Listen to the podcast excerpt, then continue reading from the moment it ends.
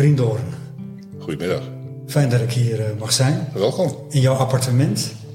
Aan de, tenminste, je kijkt uit over de Julianenweg. Ja, En ik kwam binnen en ik dacht van jeetje, wat een ruimte. ja heerlijk hè. Je had me al gewaarschuwd. Hè? Veel mensen kijken op als ze binnenkomen. Maar dat is niet gelogen. Het is inderdaad... eh, ja, het zou een prachtig... eh, het lijkt een soort atelier.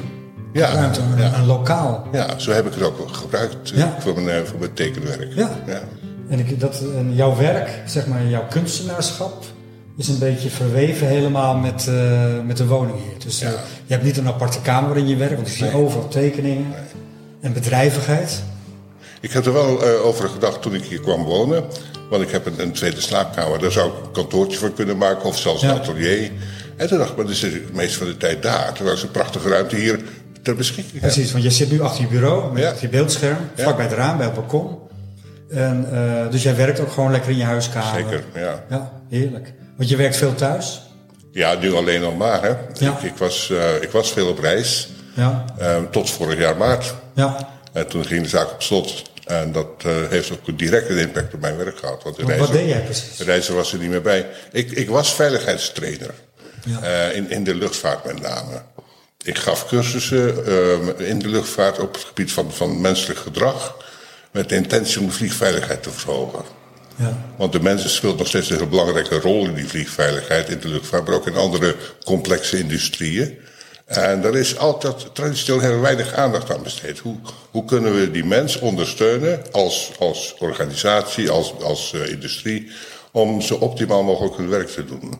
Ja. Maar in plaats daarvan worden mensen vaak in onmogelijke situaties gezet waarin ze niet kunnen functioneren. En wordt er toch iets van ze verwacht. Ja. Ehm, leren kennen waar, waar die verbeteringen mogelijk zijn, is, is essentieel om, om ehm, het systeem zelf beter te maken. Dus jij leert mensen om hiaten in het systeem te onderkennen. Een hiaat in het systeem en ze, ze maken zelf ook deel uit van het systeem. Ja. Zo'n systeem bestaat eigenlijk maar uit drie onderdelen. Dat is de mens, de machines en de procedures, Ja.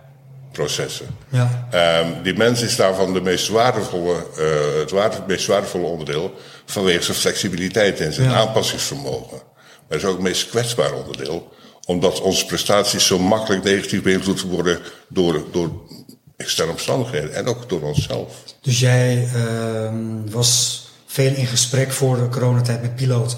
Piloten, luchtverkeersleiders, techneuten, noem maar op. Iedereen speelt zijn eigen rol in die, in die veiligheid, uiteraard.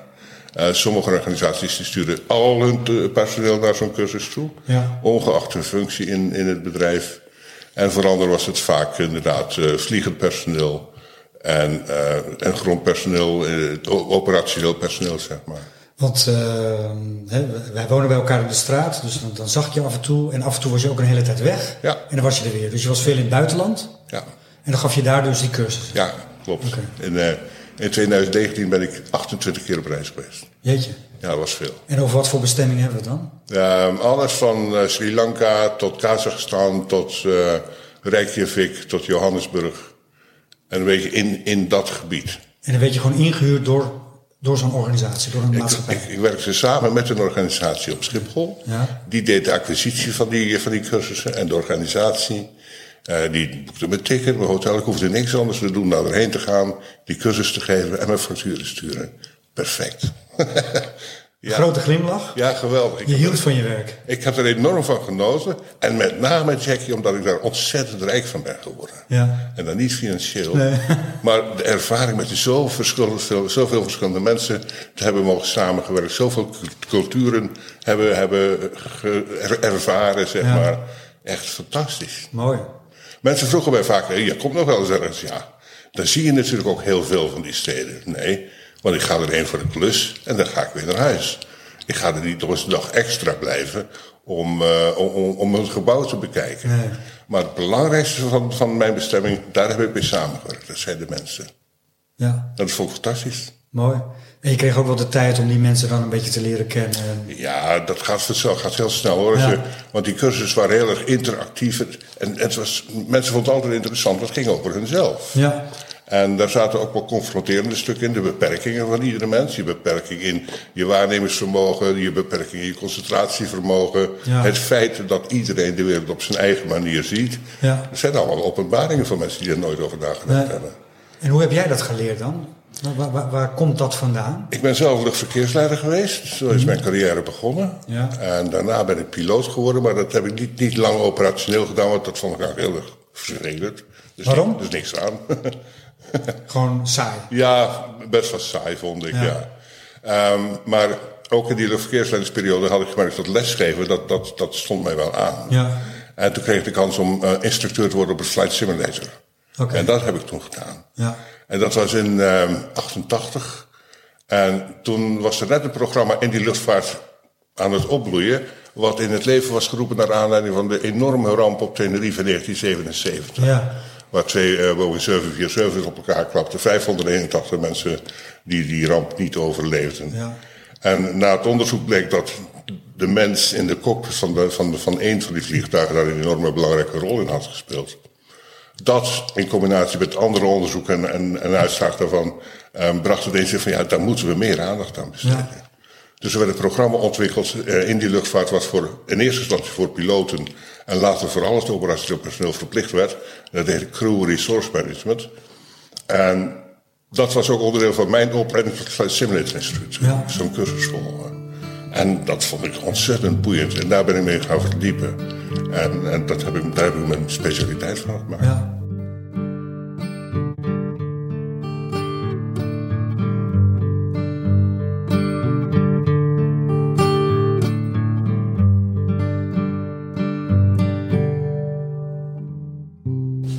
Dus zo ben ik daarin gerold en, en ehm, diverse dingen gedaan. Ik heb een tijd lang in Engeland gewoond.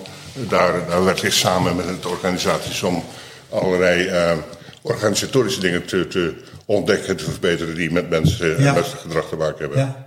Hey, en ehm, hoe komt iemand als, als in, in Wijk en Zee terecht? Want je, komt, je bent hier niet geboren. Je bent, waar ben je opgegroeid? Goeree Overslakke. Dus heel eind weg. Ja, letterlijk en figuurlijk. Ja. Ja.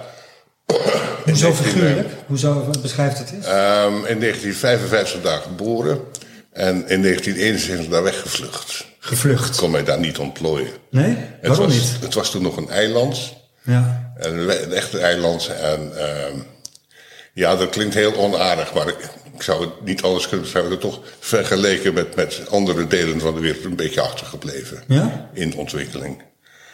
En ehm, ik moest daar weg. Maar waar liep de, de, de, de 16-jarige Rien tegenaan dan? Was je al Ehm. bezig met, met eh, je wilde verre oorden zien of je wilde kunst maken? Nee, niet zo, niet, niet zo concreet. Ik, ik dacht breder dan de, dan de meeste mensen. Ja? Ehm, iedereen was vooral gericht op, eh, op zo snel mogelijk na de MULO een baan vinden en, en, en daar blijven. Maar ik was nieuwsgierig.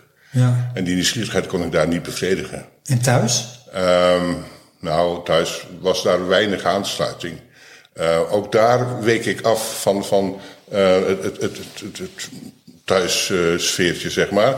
Ik weet nog, toen ik mijn eerste gitaar kocht, op 15-jarige leeftijd, zei mijn vader, wat moet je nou met zo'n rot ding? Die had daar geen begrip voor. Nee? Nee, nee. En Wat dat- deden je dat- ouders? Mijn vader was bouwvakker en mijn moeder, mijn moeder was huisvrouw. Ja. En we hadden geen geld. Het was, het was echt armoedtroef. En eh, dat, dat geeft op zich helemaal niks. Maar het, het gaf mij wel het gevoel van er, er is meer dan dit. Ja, ja. Er is meer dan dit. En als ik, daar blijf, als ik hier blijf, wist ik dat ik dat niet ga vinden. Nee. En Dus toen weer weggegaan. ja, Waar naartoe? toen ben ik bij de Koninklijke Luchtmacht gegaan. Ja. Ik ben beroepsmilitair geworden als 16-jarige. Dat, dat was, ik, ben, ik ben heel lang de jongste in alles geweest. Ja? ja, ja. En eerst kwam ik bij de bewaking terecht, wat, wat heel erg leuk was. Maar toch niet helemaal een dingetje vol continu dienst. En stond een beetje in, in het slecht aanzien in de luchtmacht als bewaker. Ze was een beetje het minste van het minste. Ja. Maar ik kwam ehm, op Gilserijen terecht, een vliegbasis Gilserijen. Ja. En daar lag ik op de kamer met een kameraad die ik daar leerde kennen. En die werkte bij de luchtverkeersleiding. Oh, Oké. En dat vond ik machtig interessant. Waarom? Ehm, met, met, met die vliegtuigen bezig zijn. En daar een, een controlerende rol, een belangrijke rol in spelen. Dat vond ik super interessant. Hij nam mij ook een aantal keren mee naar die verkeerstoren. Dus ik kon het van dichtbij meemaken. En toen dacht ik, ja, dat is wat ik wil. dus heb ik op eh, interne sollicitaties geschreven. Telkens weer afgewezen om allerlei mogelijke redenen. Tot het een keer wel lukte. Ja. En toen werd ik, ik was toen 23, werd ik uh, aangenomen als luchtverkeersleider. En, uh, Ook de jongste? Ja, ja, ja. Hm. En ik werd overgeplaatst naar Nieuw-Milligen, een gehucht op de Veluwe. Waar de centrale luchtverkeersleider van de luchtmacht uh, werkte. Want elke, elke luchthaven, elk vliegveld heeft zijn eigen verkeersleiding. Maar in het luchtruim daarboven en daartussen moet natuurlijk ook, ook verkeersleiding gepleegd worden. Dat deden wij daar in een bunker, een meter of 1500 de grond, in, tijdens de Koude Oorlog. Spannend hoor. Ja? ja. want je ogen glinsten helemaal. Dus dat, die liefde voor het vak is nog niet. Uh, is niet nee, dat, dat, de liefde voor het vak is nooit weggegaan. Nee. Maar de omstandigheden veranderden wel. En ik ontwikkelde mezelf ook natuurlijk. Um, een aantal, een aantal uh, dingen gebeuren. Ik werd me wat bewuster van het militaire aspect van waar ik mee bezig was. Ook omdat we elk jaar een keer of drie een militaire oefening hadden. Om uh, ons maar uh, voor te bereiden op die rust die ooit een keer gaat komen en alles kapot gaat gooien. En dan had je dus een, een gaspak aan en een gasmasker op. Ja. En ik, ja, zo in begin tachtig jaar had ik het dat wel een beetje gezien. Een uh, ander, ander fenomeen wat er zich speelde, ik was onderofficier de verkeersleider, terwijl het eigenlijk een officiersfunctie was. Maar ze hadden ooit een keer onderofficieren daarin toegelaten vanwege tekort aan officieren. Maar dat, ble, dat, ble, dat, dat, dat uh, betekende dus wel dat ik soms vaak zat te werken met naast mij een officier die nogal wat meer verdiende dan ik, terwijl ik zijn functioneer meerder was. Ja. En dat, dat, dat begon ook te wringen. Er was de optie om um, zelf mijn havendiploma te gaan halen. En dan kon ik solliciteren om officier te worden. Maar ik dacht, ja, dat kan ik wel doen. Maar laten we nou eerst even kijken of jullie mij wel als officier willen. Dus ik had een request geschreven met het vraag van... Ga, haal mij door dat selectieproces heen. Ja. En als dat positief is, dan zal ik met alle plezier die investering doen... tijd en geld ja. om dat havendiploma te gaan halen. Dat request heb ik nooit antwoord op gekregen. Nee? Nee. En dat duurde anderhalf jaar, dat duurde twee jaar en ik kreeg niks te horen uit Den Haag. En dat begon me steeds meer dwars te zitten. Nemen ze mij niet serieus? Of hoe zit dat? En ik was weer een keer op bureau personeel. Hebben jullie nog iets uit Den Haag gehoord? Nee, dan eens gehoord. Toen dacht ik op dat moment, ter plekke, ik ga hier weg. Ja. En ik heb op staande voet mijn ontslag ingediend. En toen? Ja, dan, dan moet je maar afwachten. Ik had geen idee wat ik zou gaan doen. maar weet je, ik heb altijd had ik voor die tijd ook al, maar ook daardoor wel bevestigd het vertrouwen gehad van als je maar beslissingen neemt, dan komt er vanzelf iets op je pad wat je, wat je kunt gebruiken. Dus binnen twee weken had ik een andere baan. En dat was flight simulator worden. Ja. Flight simulator instructeur worden. Op de Nationale Luchtvaartschool in, eh, in, in Beek, Maastricht. Ja. ja. En je ouders, waren die inmiddels trots op je of is het nooit meer goed gekomen? Um, dat is, een, dat is een hele interessante vraag. Ja, zijn ze ooit trots op mij geweest? Dat weet ik niet. Nee? Nee, ik had geen, geen sterke band met mijn ouders. Nog steeds, mijn moeder leeft nog. Uh, maar ik heb, ik heb niet zo'n sterke band met haar. Ook, met name ook omdat ik, toen ik wegging daar, ging ik toch de grote wijde wereld in. Ja. En me in een hele andere richting ontwikkelen dan, dan zij die daar achterbleven. Na, na twee maanden kon ik niet met, met mijn vrienden normaal praten. Want ik sprak een andere taal. Ja. Ik gebruikte woorden die zij niet kenden. Nee. En dat was thuis ook merkbaar. Um, het, het, was niet vervelend of zo, maar we hadden niet echt een band. Dus of, of mijn vader, die overleed toen ik uh, 34 was, of hij trots is geweest, ik weet niet, heeft hij nooit gezegd. Nee. nee. Maar wat, wat, wat, wat betekent dat voor je? Wat doet het met je dat je eigenlijk nou ja, nu moet constateren op deze leeftijd dat je geen sterke band hebt of, en had met je ouders? Oh, Vind je dat jammer? Nee hoor, nee, Nee? Dat, dat is zoals het is. Het is zoals het is. Ja, Ja. ja. ja. Kijk, ik heb die band nooit gehad, dus ik mis hem ook niet. Nee. En ga je nog wel eens terug naar... eh, Ik ga regelmatig op bezoek bij mijn moeder. ja. Ja, die woont nog steeds op hetzelfde dorp. Ja. en wonen daar nog verder mensen die je kent? Vast wel. Ja. maar ik zie ze nooit. Nee. Nee.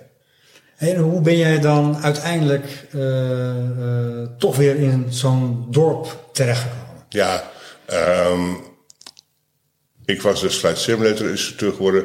Dat ben ik in 1991 um, freelance gaan doen. Toen, dat was mijn eerste uh, bedrijfje wat ik oprichtte. De eerste, Ja. eerste keer dat ik ZZP'er werd. Um, Dat is, is een tijd lang goed gegaan.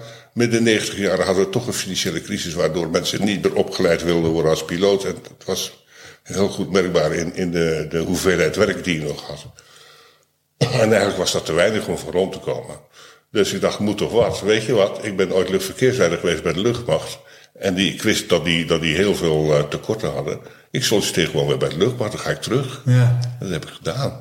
Na tien jaar terug naar de luchtmacht. Dat was ook een ervaring. Want in die tien jaar was alles veranderd natuurlijk. Ja. Ik was uiteraard veranderd, maar ook de luchtmacht was veranderd. Alle onderofficier verkeersleiders waren inmiddels officier geworden. Dus Ja. ik ging als onderofficier de luchtmacht uit. En kwam als officier terug, zonder havendiploma. dat wel. Ehm, maar dat heb ik maar drie jaar volgehouden. En dat was toch niet de juiste beslissing. Nee. Nee. Ik zat toch weer terug in, in, in zo'n zo'n toch wel strakke, niet flexibele organisatie. Dat, dat, dat werkt voor mij niet. En waar woon je in die tijd? Ik woonde in die tijd in eh, Nagelen, in de Noordoostpolder. Oké. Over het dorp gesproken. Ik woonde Ja. daar zelfs niet eens in het dorp. ik woonde in een, een arbeidershuisje aan de, aan de Sluitgatweg. Gewoon midden in de middle of nowhere. Alleen of was je getrouwd? Of, Nee, eh, ik, ik, had, ik had wel een relatie, ik had een vriendin. Ja. Eh, dus de luchtmacht erin. Na drie jaar was er een vacature bij de luchtverkeersleiding in Nederland op Schiphol. Dat is de, de, de, de burgerluchtverkeersleiding, zeg maar. Om daar weer simulator-instructeur te worden. Maar dan nu niet flight simulator, maar luchtverkeersleiding simulator. Ja. Daar heb ik toen op gesolliciteerd en ben ik aangenomen. Ehm, toen ik daar kwam, toen was er nog even helemaal niks. Er was nog geen opleiding, er waren nog geen procedures, er was nog geen simulator. Ik ben daar negen maanden lang naar Schiphol gereden, elke keer om de hele dag niets te doen. Dat was de meest stressvolle periode van mijn hele carrière. Ja. Dat is verschrikkelijk. Dat is echt zo ontzettend demotiverend als je weet, ik stap in die auto, ik sta een half uur in de file om niets te gaan doen. Echt niet leuk. Nee. Maar wat wel leuk was, ik had tussen die ervaring met, met, met die, die human factors cursus en, en toestanden. Ja. En eh, op een gegeven moment was er een, een conferentie in Lissabon over dat onderwerp. Ja. En de luchtverkeersleiding in Nederland stuurde mij daarheen om hun te vertegenwoordigen vanwege mijn ervaring met Ja. dat onderwerp. En daar kwam ik mijn volgende echtgenote tegen. en een mevrouw uit Engeland, die, eh, die ik heel leuk vond, die werkte voor Eurocontrol in, eh, in Brussel. En een jaar later ben ik naar Brussel verhuisd. Ja. Had mijn baan bij LVL ook weer opgezegd. En eh, zij heeft mij toen eh, geïntroduceerd bij een heleboel instanties als ZZP'er met, met die specificatie. En daar heb ik heel veel leuke projecten mee gedaan. Ja. Eh, zij raakte haar baan kwijt in 2001, kreeg een nieuwe baan in Engeland. En toen zijn we dus naar Engeland verhuisd. En eh, in 2003 zijn we daarheen gegaan. En daar heb ik 14 fantastische jaren gehad. Is het maar 14? Hmm, nee, eh, 13, 13 jaar. Ja. Door daar als, als ZZP'er ook mee te manifesteren. Met hele leuke projecten, heel veel verschillende mensen leren kennen. Ehm, het huwelijk liep op de klippen. En in 2014 raakte ik mijn contract kwijt. En ja, dan komt er toch weer iets op je pad waarvan je denkt van dat heeft zo moeten zijn. Een goede vriend van me, die werkte hier in Nederland bij een organisatie op Schiphol die die cursussen organiseerde. Ja. Diezelfde organisatie waar ik het net over had. Die vroeg mij van, joh Rien, zou jij backup trainer voor mij willen worden? Want ik heb geen backup trainer. Als ik een keer niet kan, of, Ja. of, of ziek word of zo, dan, dan kunnen die cursussen niet doorgaan. Ik zei, ja natuurlijk, vind ik hartstikke leuk. En dat heb ik toen gedaan. En dan loop je een proces door, opleiding, je moet getest worden uiteraard. En dat ging allemaal goed. Toen zei Hans, "K- kun je voor mij een paar cursussen overnemen? Ik moet even wat rustig aan doen. Ik heb het te druk gehad, zeg maar. Ik was zondagavond naar het hoofddorp gereisd om daar maandag een cursus te gaan geven. En ik belde hem nog even op met wat vragen over die cursus. En toen zei hij die zondagavond, ja, morgen wordt mijn laatste verjaardag. Want ik ben ziek en ik kan niet meer gerepareerd worden. Ja. En drie, drie weken later was hij dood. En dat was, dat was een, een hele bijzondere ervaring. Dat, dat, ja, dan ga je ook weer anders tegen dingen aankijken hoor. Die organisatie vroeg mij toen of ik zijn portfolio kon overnemen. Maar hoe ging jij anders tegen dingen aankijken? Vertel eens. Dat, dat je ook maar zo weg kunt zijn. Ja. Dat er niets van nodig is. Dat, dat, je- dat je dat niet ziet aankomen. Nee. Dat je eh, plannen kunt maken zoveel als je wilt, maar als je niet in het nu leeft, als je niet vandaag leeft, dan heb je aan die plannen ook niks. En toen ging jij zijn baan overnemen. Ja, En hoe je eh, dan hier in toen ben ik gaan reizen en ehm, ik woonde toen nog in Engeland, maar daar had ik eigenlijk niks meer. Ik was intussen wel regelmatig in Nederland geweest, op bezoek en, en, en even voor het werk. En ik was nieuwsgierig geworden van hoe zou het zijn om weer terug in Nederland te wonen. Dus in 2016 ben ik eh, teruggekomen naar Nederland. Is het, nee, 2014 ben ik teruggekomen naar Nederland. En dan, ja, dan kom je in Nederland, want dan ga je nadenken, waar zal ik eens gaan wonen? Maar ik had eigenlijk geen idee, geen voorkeur. En iemand zei, je moet eens in Wijk aan Zee gaan kijken. Dat is wel wat voor jou. Die kende ook mijn artistieke achtergrond, want ik tekende toen ook heel veel. En dus ben ik hier gaan kijken en dacht van ja, ja, het is net zo goed als van anders. Ik kende niks, dus eh, toen ben ik gaan onderzoeken wat, wat is er dan te huur in Wijk aan Zee, want ik wilde niet kopen. En toen kwam ik dit appartement tegen en daar werd ik met, meteen verliefd op. Dus toen was die beslissing heel snel genomen. Ja. Hey, en ehm, je zegt een, eh, in het gesprek wat we nu hebben, zeg je een paar keer van eh, dat je veranderd bent. Mhm. Eh, v- vergelijk jezelf eens met, met 30 jaar geleden. Hè? Je, was, je begon bij de luchtmacht. In hoeverre ben je als mens, niet, niet vanuit je beroep, maar echt als mens veranderd de afgelopen decennia? Dat, dat vind ik erg lastig om dat in een paar zinnen onder woorden te brengen, Jackie. Want dat is natuurlijk een heel lang proces geweest. Ik denk dat je constant verandert. Iedereen ontwikkelt zich continu. En alles verandert natuurlijk. Ehm, maar als ik mezelf moet karakteriseren toen en nu... dan was ik toen een, een nogal megalomane, egocentrische eh, man... die eh, vooral zijn eigen belang eh, voor ogen had... en zich niet zo veel bemoeide met, met wat anderen daarvan vonden. Ehm, en nu heb ik veel meer oog voor de behoeftes van andere mensen... En ehm, hou ik me daar veel meer mee bezig. Eh, en, en vind mezelf niet zo belangrijk meer. En wat is het belangrijkste ehm, in je leven? Eh, eh, nou, laat ik het anders vragen. Wat heeft die verandering teweeggebracht? Die openbaring die ik 13 jaar geleden had. Iedereen doet wat hij doet om zijn eigen redenen. Ja. Ik hoef die redenen niet te kennen. Ik hoef ze niet eens te begrijpen. Om dat, dat feit toch te kunnen accepteren. In plaats van overal maar onmiddellijk een mening over te hebben, overal maar over oordelen, zonder enige achtergrond te, hebben van waarom iemand doet wat hij doet. Dat was voor mij heel belangrijk om, om, om me dat te gaan realiseren. Ik was dan ook een beetje op zoek naar iets. Ik, ik, was, ik zat niet lekker in mijn vel. En, en ik kwam bij mindful mediteren terecht. Als, als manier om uh, met jezelf om te gaan. Dat sprak me heel erg aan. En uh, daar ben ik me in gaan verdiepen. Ik, ik mediteer nog, nog, nog steeds elke dag. Uh, vond dat zo mooi voor mij dat ik dacht dat wil ik ook met anderen kunnen delen. Ik heb dus ook een opleiding gedaan om mindful meditatie trainer te worden. En uh, dat is voor mij de grote omslag geweest. Die mij veel meer doet beseffen dat uh, mijn mening is niet de enige mening op de wereld. De Nederlander, de Nederlandse mening, de Nederlandse houding ten opzichte van de wereld is niet de enige. En we kunnen nog, nog zoveel beoordelingen eh, hebben over anderen. Als je niks weet van die ander, moet je eigenlijk dat ook niet hebben. Nee. En dat en mediteren heeft me heel erg geholpen om dat oordelen los te kunnen laten. En dat is een enorme bevrijding. Ja. Er valt een last van je af als je dat niet meer hoeft te doen. Maar je noemt het een openbaring, dus dan is het ook wel snel gegaan. Um, dat moment was, was, was daar, ja. En, Beschrijf dat moment eens. Waar was je? Hoe ging dat? Ik weet dat nog precies. Het was, ik, ik was een cursus aan het geven in Engeland nog. En um, ik had een conflict met mijn medetrainer uh, over, over, over iets dergelijks. En die zei die woorden toen tegen mij. En die kwamen keihard aan. Want het ging over mijn oordeel over iets. En die zei, joh, oordeel dan niet zo snel, want... En dat, in één keer werd dat duidelijk, ja. En ik ben naar buiten gelopen, het was mooi weer. Sigaret gerookt, erover nagedacht. En daar, daar steeds meer over na gaan denken. Erover gaan lezen en me verdiepen in die meditatie, achtergrond en dergelijke. Ja. En, en, en ja, tot de conclusie komen, ja, er is geen waarheid. De, de ultieme universele waarheid bestaat niet. En dat voelt heerlijk.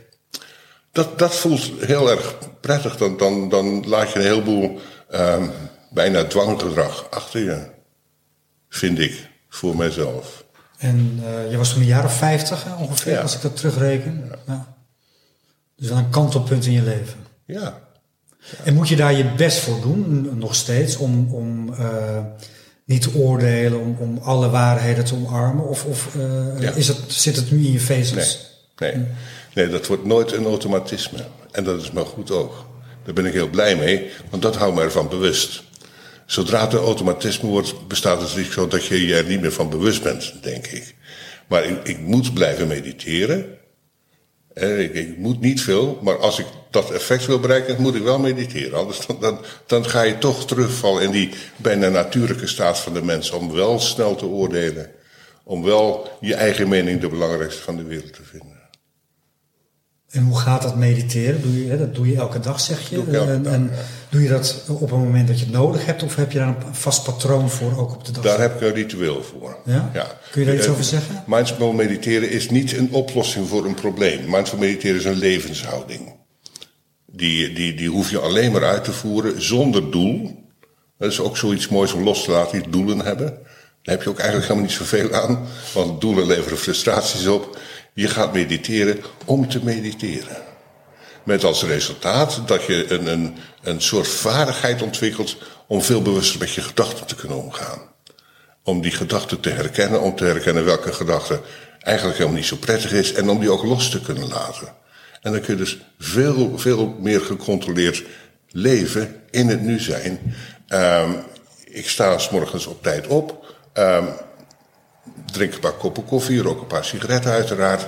En dan ben ik alert, dan ben ik, ben ik wakker genoeg om te gaan mediteren. Daar heb ik mijn vaste plekje voor. Um, ik mediteer meestal met een open einde, dus niet met een, een, een bepaalde tijd in de gedachten. Ik ga mediteren en dan merk ik vanzelf wanneer het genoeg is geweest. En je hebt daar een vaste plek voor, zeg je, gewoon hier ja. in huis? Ja, ik zit op de grond met mijn rug tegen de bank geleund. Dat is wat comfortabel. Ja. En dan... Uh, ja, dan, dan met name het, het bewustzijn van elk moment. Dat is waar het, waar het bij het mediteren om gaat. Ja. En dat bewustzijn geeft controle. Ja. Dat bewustzijn geeft je de mogelijkheid om te weten wat je doet. Controle, zeg je, over jezelf? Over jezelf. Over je gedachten? Ja. Ja. ja. Ik zie je heel vaak uh, op het uh, balkon zitten als ik uh, langsloop. Ja. Het is een vast beeld. Rien op zijn balkon. Ja. Peukje roken. Dat zullen we gaan missen. Zeker. En, en een beetje zo het dorp overziend. Ja, de Julianenweg in ieder geval. Precies, ja. een deel van het dorp. Ja. Maar ik heb ook het gevoel dat je een beetje in gedachten bent. Ja, ja, dat zou kunnen, ja. Ja. Ik zou, kan dan niet zeggen precies dat ik altijd over iets specifieks nadenk, maar ja, ik probeer meestal wel me bewust te zijn van waar ik nou naar kijk en wat ik daar dan in, in vind. Niet van vind, maar in vind.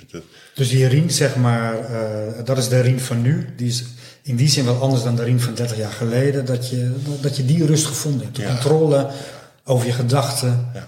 over je oordeel. Ja.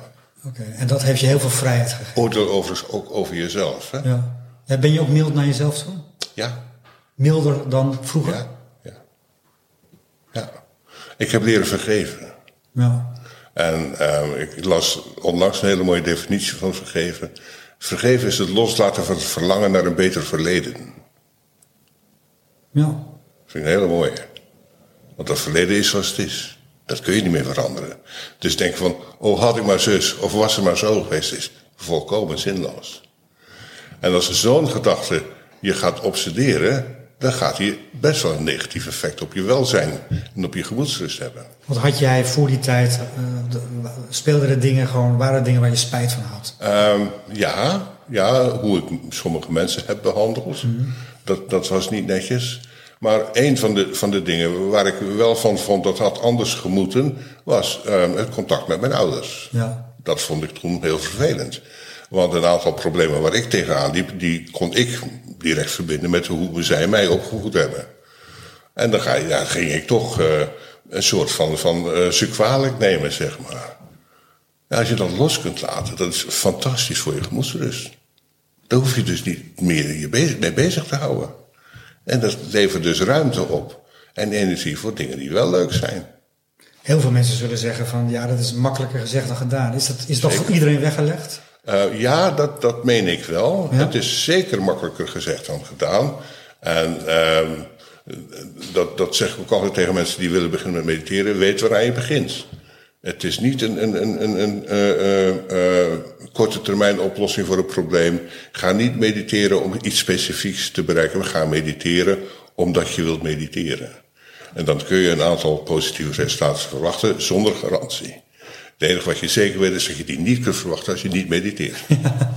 Ja. Dus ja, wat wil je? Maar duurde het lang voordat jij dat bereikte met jouw mediteren? Moest je daar veel voor werken, arbeiden? Nee, nee. Ik, ik heb het van begin af aan heerlijk gevonden om te doen.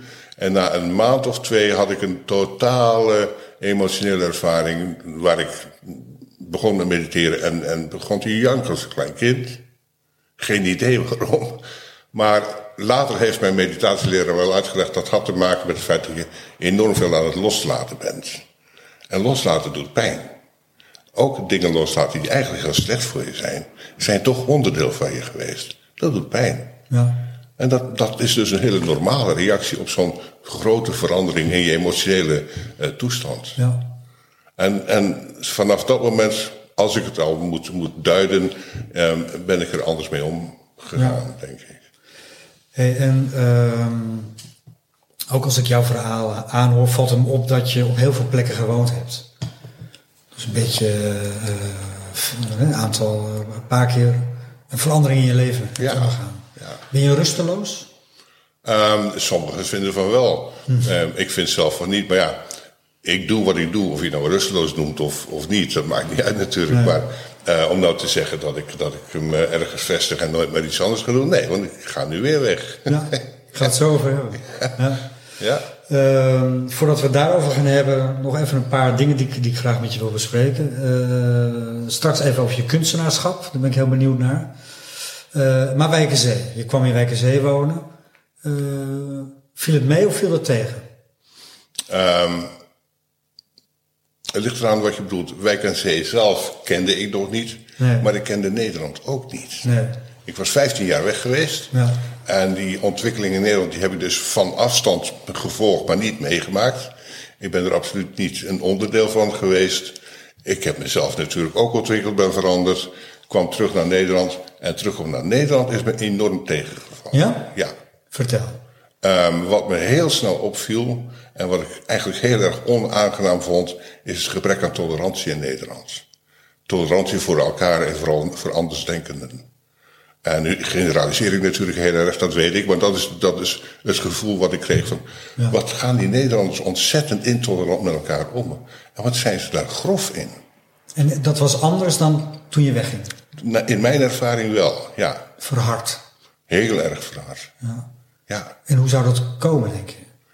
Ja, dat, ik heb geen idee, want ik heb natuurlijk die, die verandering niet meegemaakt. Je hebt er geen theorie over? En, en, en, en nee, ik heb, ik heb daar geen theorie ja. over. Want dat zou ook alleen maar een theorie zijn gebaseerd op een idee, zonder dat, dat, dat ik dat kan onderbouwen. Mm -hmm. uh, ik, maar ik heb het wel geobserveerd. En het is mijn ervaring, hè. Het is geen, geen feit, maar het is mijn ervaring. Ja. Het valt mij op dat uh, er zijn periodes geweest dat jij heel actief was op social media.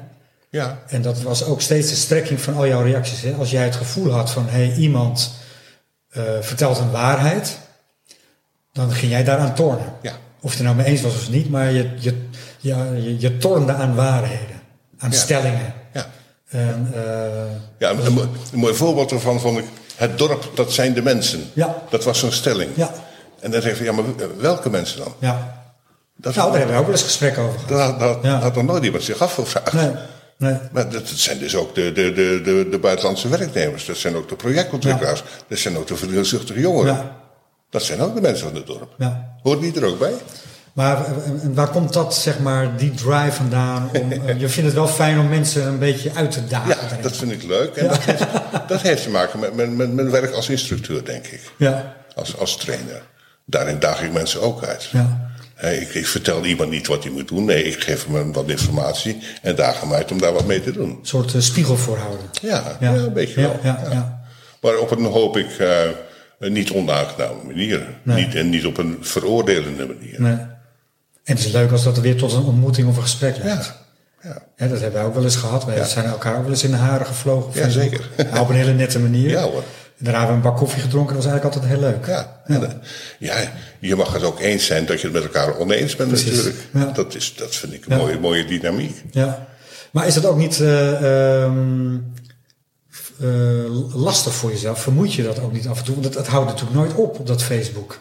Nee, dat houdt het nooit op. Ik Nee. doe het nu een stuk minder. Ja. ik heb die behoefte niet meer zo erg. Nee. Ik heb weer andere dingen om me bezig te houden. Ja. Dus ja, ik, ik ken Wijk en Zee intussen wel een beetje. Ja. Je, je leert de mensen ook wel kennen die altijd op een bepaalde manier reageren natuurlijk. Soms dan vind ik het nog wel leuk om even iets eh, wat te zeggen. Maar tegenwoordig doe ik dat niet meer op Facebook, maar benader ik de mensen persoonlijk. Ja. Dat vind ik eigenlijk veel netter. Ja. Want als ik op Facebook op hun ga reageren, doe ik het zelfs wat zij doen. Ja. Ja, dan kan ik het ze ook niet meer kwalijk nemen. Als ik zal iets kwalijk Ja, natuurlijk. maar- ja. Maar dan- woon je nu in een dorp waar natuurlijk ook een bepaalde tegenstelling is. Hè? En, eh, Ja. Hè, laten we het maar hebben over Tata bijvoorbeeld. Je hebt, eh, als ik het ook even zwart-wit eh, zeg. En zo wordt het vaak wel gebracht, ook in de media, ook op social media. Je hebt de voor- en tegenstanders. Ja. Je hebt mensen die zeggen Tata moet weg. Heb je eh, de mensen die er werken en die ermee opgegroeid zijn van het moet blijven. En dan heb je nog een hele grote, waarschijnlijk wat zwijgende meerderheid die er genuanceerd over denkt. Alleen die, die tegengestelde meningen, die hoor je natuurlijk heel vaak. Ja. En wat doet dat met jou, hier in het dorp wonend? Ehm, in, in die zin heb ik Wijk en Zee ervaren als een, een, een uitvergroting van Nederland zelf. Waar, waar in Wijk en Zee op een, op een heel duidelijke manier dezelfde dingen voorkomen. Gebrek aan tolerantie voor andersdenkenden. Nogal polariserend. Eh, In Wijk en Zee herken ik drie groeperingen. De, de echte Wijk en Zeeërs, de import en de buitenlandse werknemers. Wat ze dan eh, arbeidsmigranten doen. Wat ik heel vervelende naam vind trouwens. Migranten, dus ze gaan ook weer. Eh, maar die, die, die mixen niet. Ja, niet, niet, niet intrinsiek. Oppervlakkig misschien wel een beetje. Maar. En als je in de ene groep zit, dan zul je nooit bij die andere horen. Dat vind ik echt typerend voor en Zee. Ja. Eh, de discussie over Tata. Ja, ik, ik ben het helemaal met je eens als je zegt, ja, zo zwart-wit is het natuurlijk niet. Maar de Wijk en Zeeër zie ik, ervaar ik niet als heel goed in staat zijnde om zich in te leven in de andere kant. Om zich te realiseren dat wat Tata doet, wat ook mensen zijn natuurlijk, die doen dat om redenen die voor hun heel geldig zijn. En dat mag. Ehm, wat Baanders doet, die doet het om redenen die voor hem heel geldig zijn. En dat mag. Ja. Iemand mag iets totaal anders doen dan wat jij nodig vindt. Moet je daar per se een mening over hebben? Nou, als het je, als het je persoonlijk eh, benadeelt of kwetst, ja, dan, dan mag je daar iets van vinden. Maar ga dan daar naartoe. Ga dat niet op Facebook zetten. Zou ik, zou ik suggereren. Ja, wat ik zelf bijzonder vind is dat uh, Wijkenzee is natuurlijk cultureel dorp. Zelf uitgeroepen, hè? Ja, waarmee het... Uh, ja, hoe waardevol is dat als je dat zelf moet uitroepen? Nou ja, kijk, en, en, wat ik... Uh, nou, dat, dat, dat, dat kan nog wel. Want ik bedoel, hè, als je zegt van... Oké, okay, wij willen een cultureel dorp zijn... en we gaan op die manier een verbindenis maken met andere dorpen. Dat is natuurlijk heel mooi. Dat vind ik mooi. Maar dan, om jezelf dan Cultural Village of Europe te noemen... dat vind ik wel een beetje um, ambitieus. Ja, zeker. Nou, wat mij opviel toen ik hier kwam wonen, ik heb dat natuurlijk heel erg gevolgd als, als journalist. En ik, nogmaals, ik vind dat idee erachter heel mooi. En, en uh, dat heeft mij persoonlijk heel veel gebracht. Maar ik merkte dat eigenlijk het dorp het niet naleefde. Nee. Inderdaad, door die verschillen. Uh, hè, want dan ja. hebben we contact met, met, uh, met andere dorpen in Europa, maar niet met onze arbeidsmigranten bijvoorbeeld. Ja. En, en ja. zou je Wijkenzee een gebrek aan, nou ja, hoe zou je dat, zelfinzicht kunnen verwijten in die Zeker. zin? Ja? ja. Zijn we wel zo leuk als we pretenderen te zijn? Een, een kreet die ik hier heel vaak heb gehoord, ja, is, dat kan alleen in Wijk en Zee. Ja. Terwijl ik weet dat dat absoluut niet waar is. Wat hier gebeurt, kan en gebeurt overal. Maar de Wijk en Zeeër, en opnieuw ik generaliseer, mijn excuses voor iedereen die zich onterecht uh, aangesproken voelt, maar Wijk en Zee is voor mij nogal krampachtig bezig zichzelf belangrijk te vinden en te maken.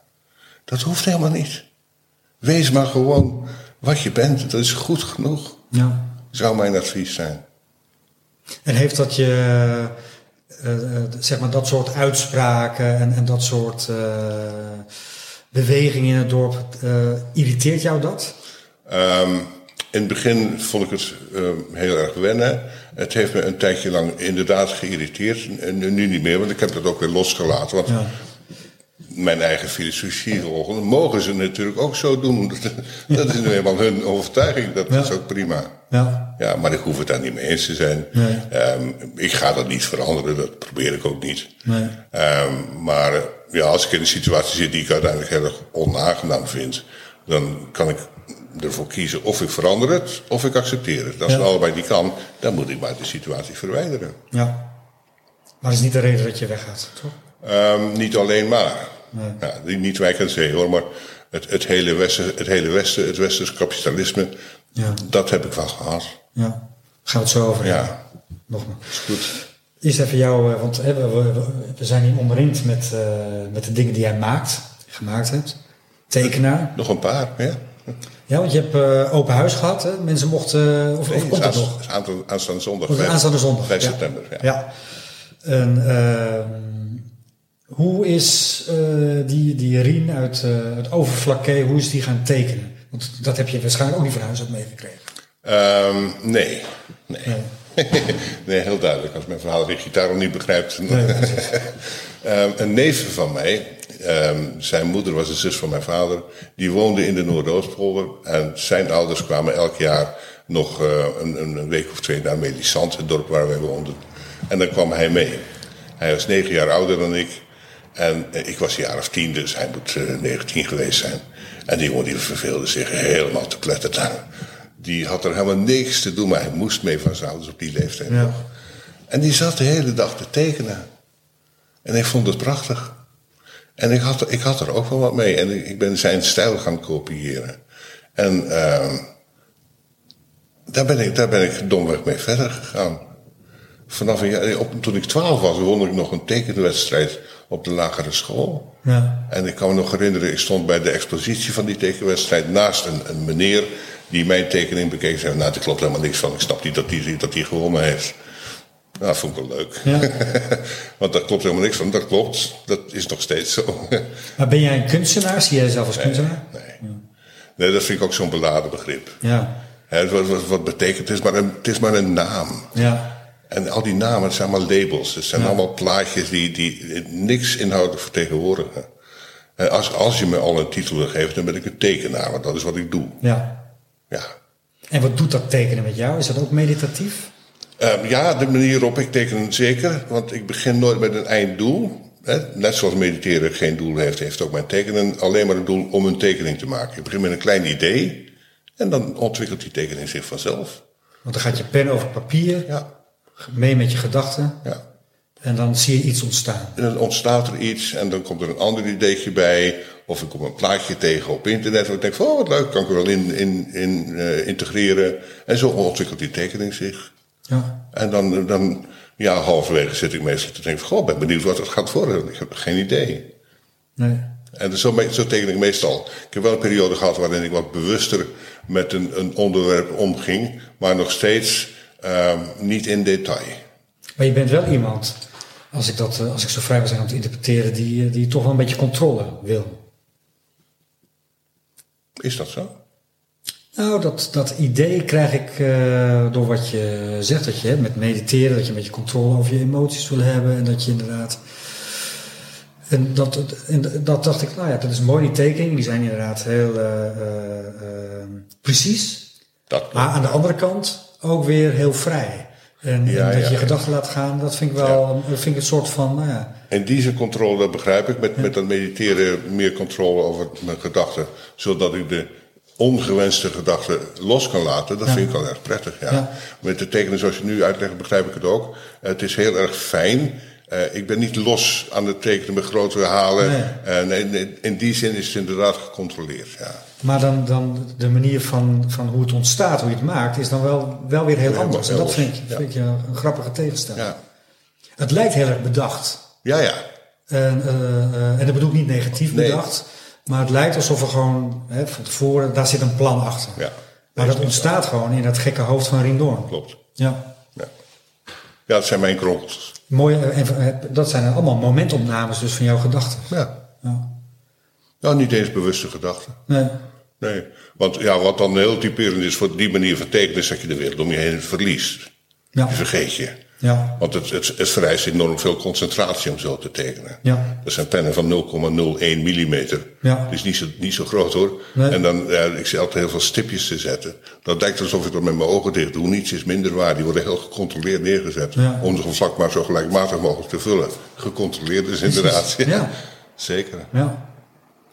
En ehm, je vindt het ook heel fijn als. ehm tenminste, je kan er makkelijk afstand van doen.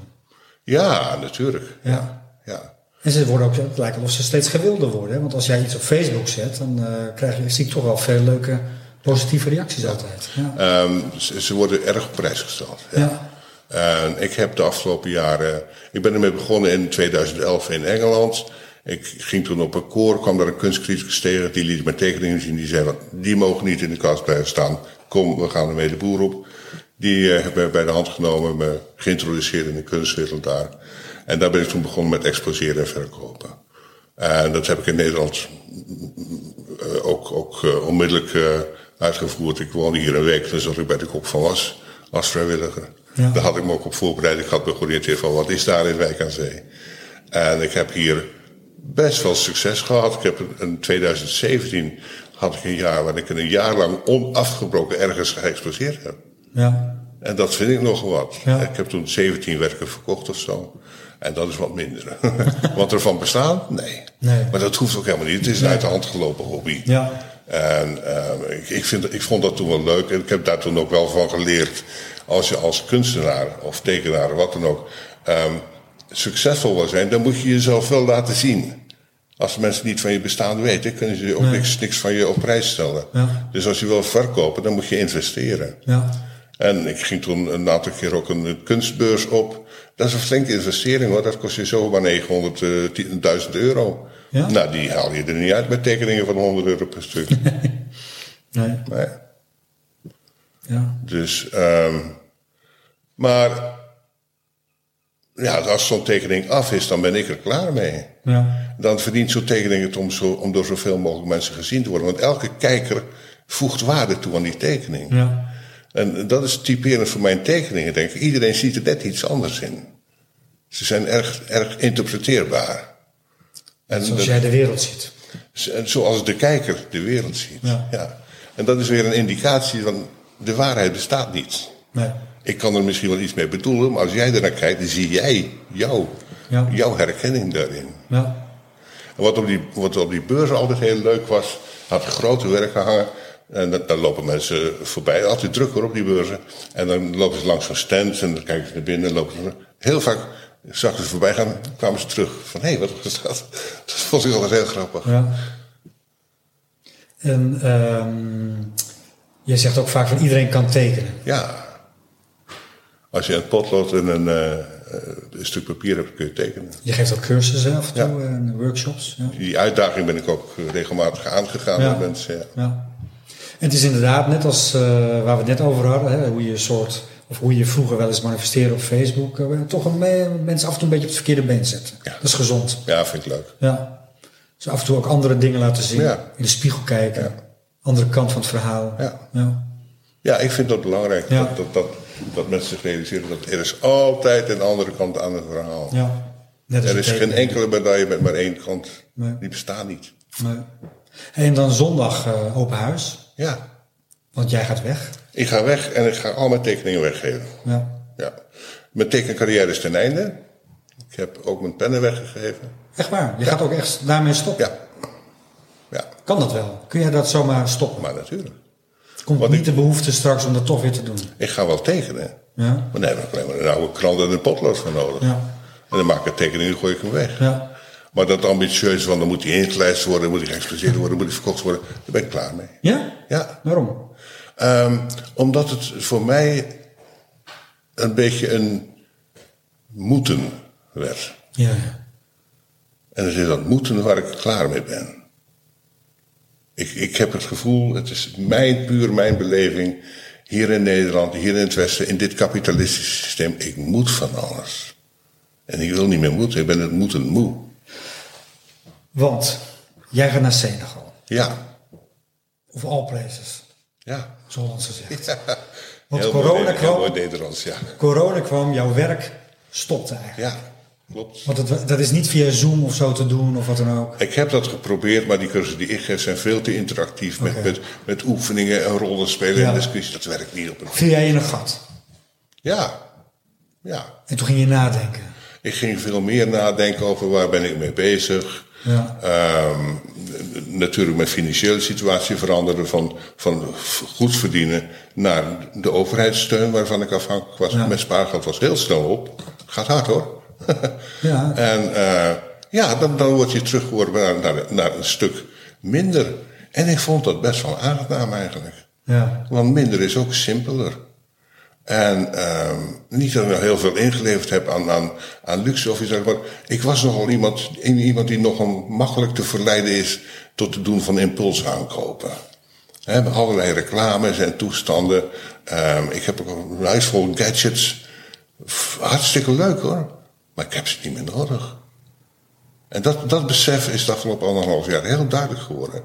Tot, tot ehm, begin dit jaar het heel duidelijk werd voor mij. Ja, maar ik, ik wil niet meer in, in, in dit systeem functioneren. Ik wil niet meer blootstaan aan al die verleidingen. Niet omdat ik er niet aan kan weerstaan, maar ik, ik heb het recht om, om niet verleid te worden. Maar dan moet ik niet hier blijven. Nee. Ik heb al jarenlang geen televisie meer, onder andere ook om die reden.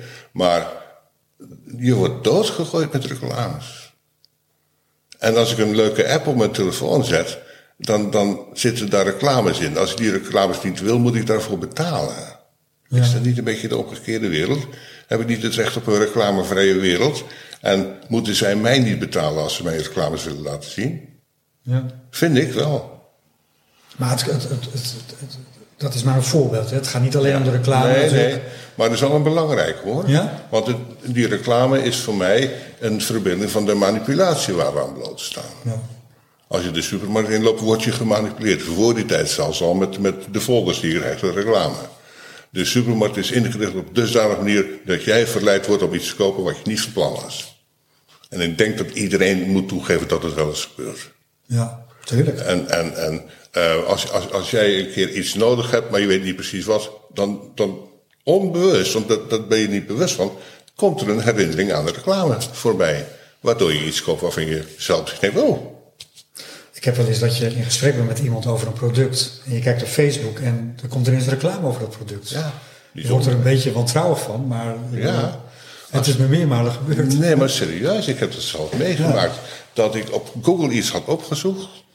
En eh, de volgende dag ging ik via Google Maps ergens naartoe. Via een route die nieuw was. En ik kwam langs een winkel waar dat verkocht werd. Waar ik ook eens gaf gisteren.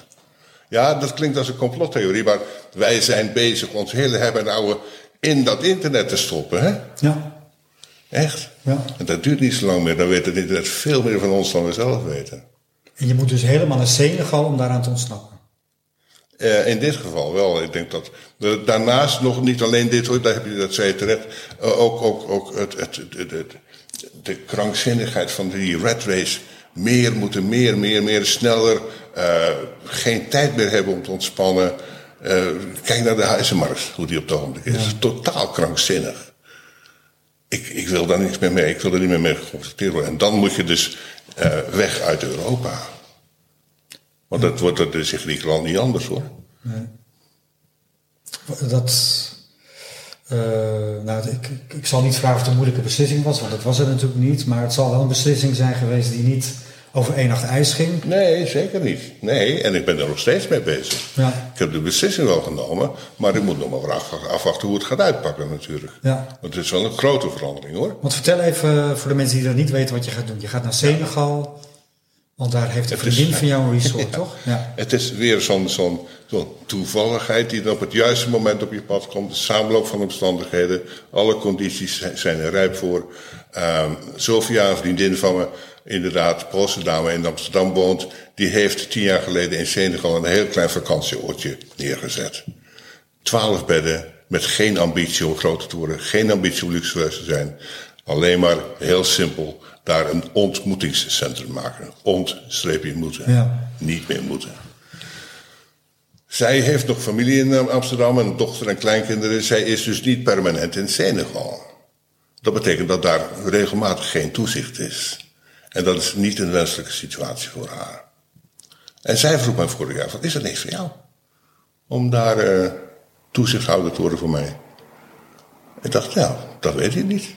Was je ooit in Senegal geweest? Ik ben daar geweest in datzelfde vakantieoord vijf jaar geleden, drie weken als toerist. Het is paradijs. Ja? Het is absoluut paradijs. Het is een heel klein, klein gehuchtje met 3000 inwoners, denk ik, aan de, aan de Atlantische kust. Uh, altijd mooi weer, zeg ik, altijd mooi weer. Het is een heel, heel klein toeristisch. Er is geen grote luxe hotel met zwembaden en toestanden. Er zijn een paar kleine B&B's, allemaal op diezelfde schaal als het ontmoetingscentrum. De kans dat je daar op het strand een verdwaalde koe tegenkomt is veel groter dan dat je er een toerist tegenkomt. Ja? En weet je wat? Die koe heeft daar geen vergunning voor nodig. Nee, heerlijk. Ja, ja. Ja. ja daar, daar vraagt niemand zich af, heb je daar een vergunning voor? Nee. Oh, ga je wat bouwen? Leuk, kunnen we helpen? Ze hebben niks, maar ze zijn altijd blij. En ze maken altijd muziek. Ja. En ja, dan, dan denk ik dat, ja, daar, daar kom je natuurlijk ook in een systeem terecht. Maar ik denk dat het veel simpeler is dan hier.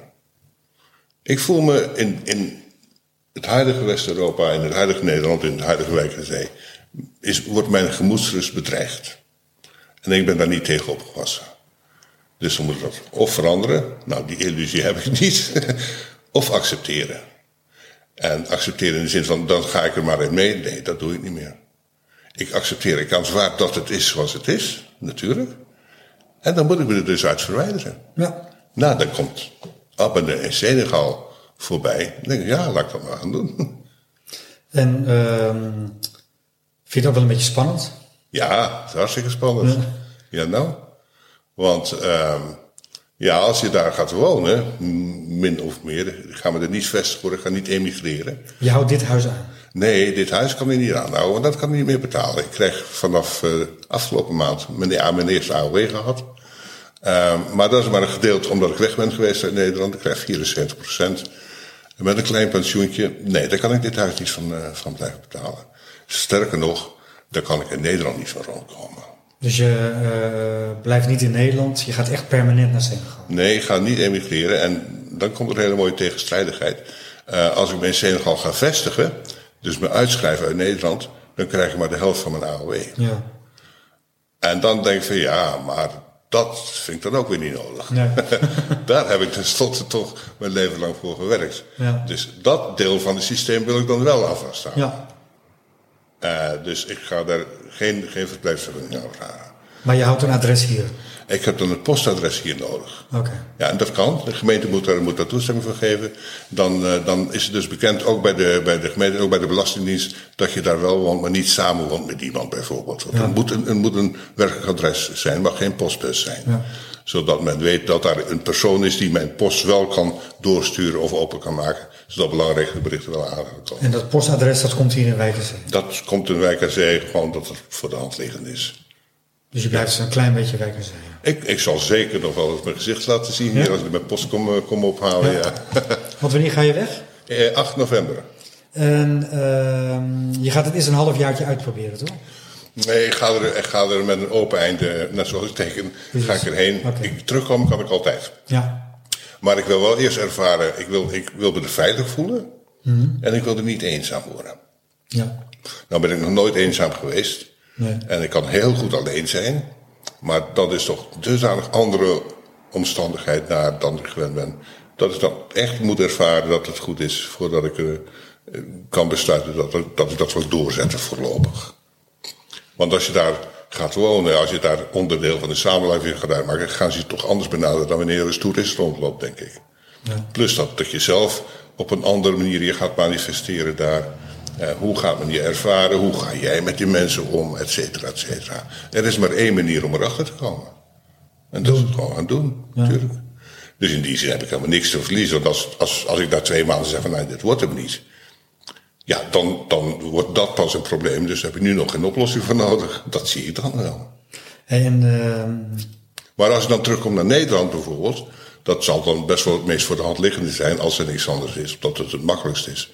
En ik zou besluiten toch in Nederland te willen blijven, dan ga ik wel een andere vorm zoeken eh, om in deze maatschappij me te manifesteren. Dan wil ik niet meer die, die, die idiote markt op met, met, met sociale woningbouw, inschrijven, vergunning, dit, relatie, dat. Echt.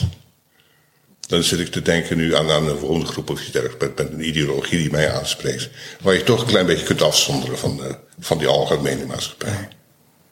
Maar laten we ervan uitgaan dat het prachtig en mooi wordt. Ja, En ik geloof er niks van dat je alleen maar toezichthouder wordt daar. Je gaat vast ook andere mooie dingen doen. zeker. Ja, Mediteren, ja, cursussen. ja. Ja, die ga ik gratis aanbieden. Dat vind ik zo mooi van, van Sofia's filosofie. Nee, we hoeven niet, we hoeven niet, niet rijk te worden daar. Mensen komen daar om te ontmoeten. Die komen daar niet om excursies te gaan doen of duikcursussen te gaan doen. Die komen daar voor een rust. Dus we, we bieden hun een, eh, een, een slaapplaatsje aan voor een tientje per nacht.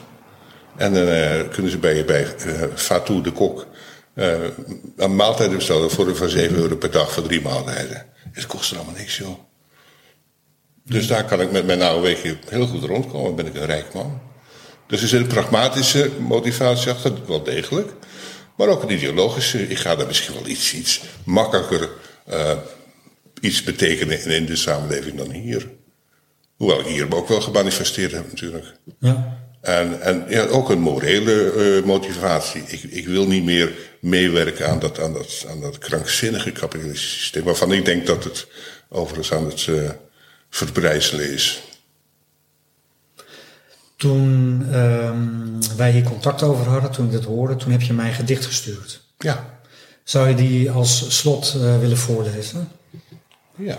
Dat zegt alles, denk ik.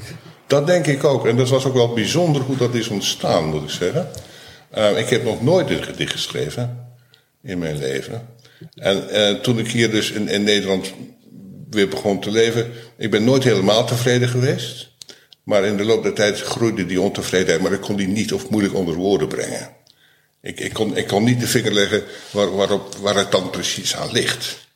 En in juni begonnen er in één keer woorden uit mijn keyboard te komen. En dat werd een gedicht, het eerste gedicht van mijn leven. En het heet Ik ben het moeten moe. Ik ben het moeten moe en ik kan het niet meer tegen. Geen tijd voor dit, te druk voor dat. Ik ben het moeten moe. Te leven volgens de regels van een ander. Zeg mij niet wanneer en zeg mij niet hoe. Wie bepaalt wat goed is voor mij? Ik ben het moeten moe. Ik voel alsof ik constant moet presteren. Ik word beoordeeld op wat ik doe. Wie ik ben is onbelangrijk. Ik ben het moeten moe. Ook kinderen leren wat ze moeten leren, maar ze leren niet hoe. Ook zij staan al bloot aan die prestatiedruk. Ik ben het moeten moe. Of iemand leeft een week op een paar zakken chips. Ongezond doet er niet toe. Een fles water kost meer dan frisdrank. Ik ben het moeten moe. Vertel me ook niet wat ik moet kopen. Behandel mij niet als een melkkoe. Consumeren is de norm. Ik ben het moeten moe. En ik wil dus niet blootstaan aan die verleiding. Meer te moeten. Meer, meer, meer. Ik wil minder, minder, minder. Ik ben het moeten moe. Vertel me ook niet welke mensen beter zijn. Polariseren is een zinloos gedoe. En chauvinisme is aan mij niet besteed. Ik ben het moeten moe. Mijn tekeningen mag ik niet weggeven. Daar moet ik, daar moet ik iets voor vragen. Dus iemand, iemand weigert mijn cadeautje. Ik ben het moeten moe. Zwarte Piet kan niet meer. Piet Hein is ook al taboe. En daar moet ik er wat van vinden. Ik ben het moeten moe. En ik moet er maar mee leren omgaan. En weet je, dat kan ik eigenlijk best wel goed. En ik weet ook wel hoe. Maar ik wil niet meer moeten. Ik ben het moeten moe. Mooi. Wat emotioneert je heel erg, hè? Ja, Ja. het is ook echt zo. ja. We doen onszelf aan, hè, denk je dan? Ja. Ja, weet je, dat, ja, dat zijn van die overpeinzingen natuurlijk. Misschien, misschien is het ook wel de bedoeling dat het systeem zo is. Past het in een plaatje van hetgeen wat we natuurlijk niet kennen. En Het ontroerde me die, eh, wel dat je het stuurde, want eh, ik ken jou natuurlijk eh, niet goed, maar toch wel als een, eh, nou ja, eh, iemand die, eh, ik ken je zoals je je soms uit, toch wel zelfverzekerd, duidelijk. En dit was een heel eerlijk, eerlijk kwetsbaar verhaal. Dat vond ik wel heel mooi. Dank je. Ja, nee, dat, dat, dat was voor mij ook een verrassing hoor. Dat dat zomaar. Ik heb er niet over na te denken. Dat was echt een. Ook een confrontatie. Die ik niet uh, ben, ben uit de weg gegaan. Maar ik moet gewoon eerlijk, eerlijk zijn naar mezelf toe. Ik, als ik hier blijf, dan is het niet goed voor me. Ik wens je een hele mooie tijd. Dankjewel.